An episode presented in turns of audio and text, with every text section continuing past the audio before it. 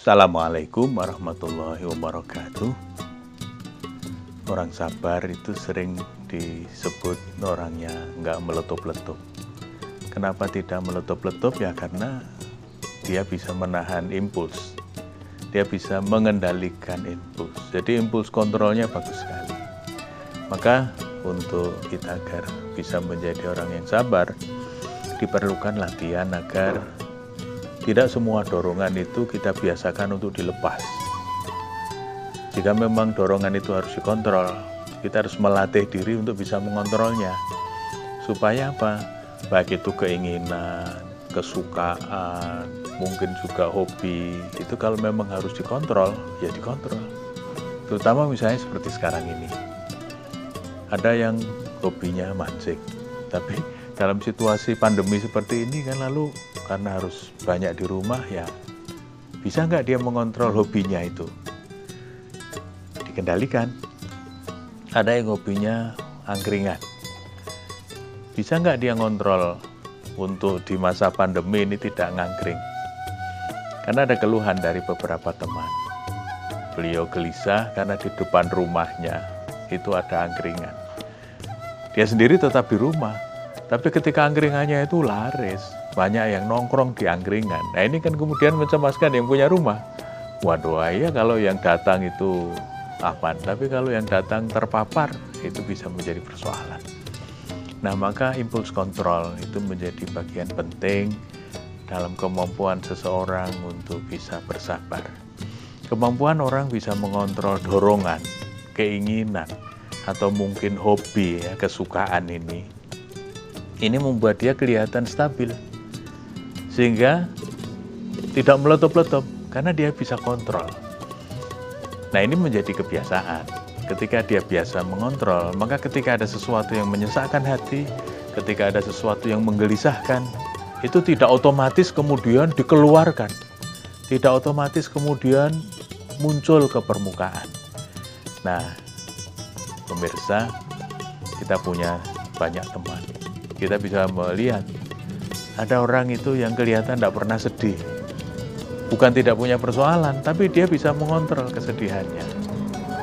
Ada yang kalau baru sedih-sedih gitu aja udah kelihatan di wajahnya, kelihatan di perilakunya. Nah itu karena dia tidak bisa mengontrol gejolak hatinya. Nah memang ada istilah mood ya di samping persoalan real di lapangan yang memang bermasalah seperti sekarang ini tetapi orang itu juga ada yang disebut dengan suasana hati mood ada good mood ada bad mood ada suasana hati yang bagus kalau suasana hatinya bagus ya semuanya akan kelihatan enak bersahabat juga enak tapi kalau bad mood nah ini yang sering jadi persoalan bagaimana kita bisa mengontrol bad mood ini. Karena yang punya mood, yang punya perasaan itu kita. Sebetulnya kan pusat kendalinya seharusnya ada pada kita. Bukan kemudian kalau kenapa tidak berangkat, lagi nggak mood, lagi ya lagi nggak mau aja. Ya itu artinya dia hidupnya masih dikendalikan oleh fluktuasi moodnya sendiri.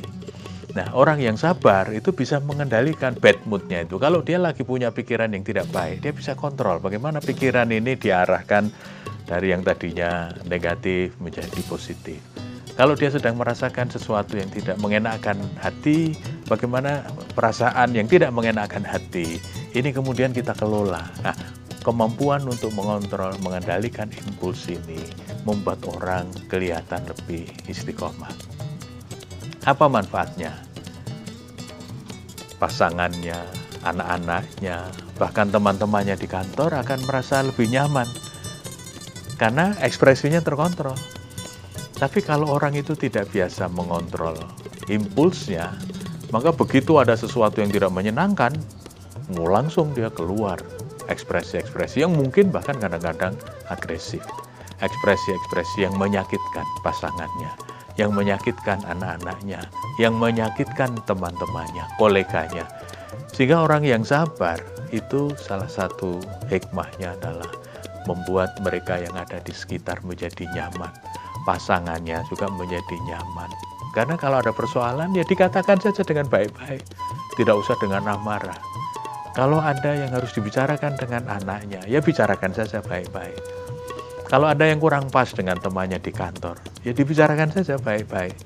Meskipun itu sesuatu yang mungkin sangat menyesakkan, tapi bisa dikendalikan. Nah, sebaliknya orang yang tidak sabar, orang yang tidak bisa mengontrol impulsnya, itu kalau menghadapi sesuatu yang tidak mengenakan, biasanya yang keluar adalah langsung yang tidak mengenakan juga. Bahkan tidak jarang ada masalah-masalah kecil, ada problem-problem yang seharusnya direspon dengan biasa saja, itu responnya menjadi berlebihan. Karena itu pemirsa, mudah-mudahan puasa ini membuat kita bisa berlatih dengan sungguh-sungguh untuk mengontrol impuls. Kalau kita bisa mengontrol tidak makan seharian, kalau kita bisa mengontrol tidak minum seharian, kalau kita bisa mengontrol tidak berkata yang buruk, saya yakin untuk mengontrol dorongan-dorongan dari dalam yang kurang nyaman itu bisa menjadi lebih mudah. Pemirsa, sampai ketemu lagi. Assalamualaikum warahmatullahi wabarakatuh.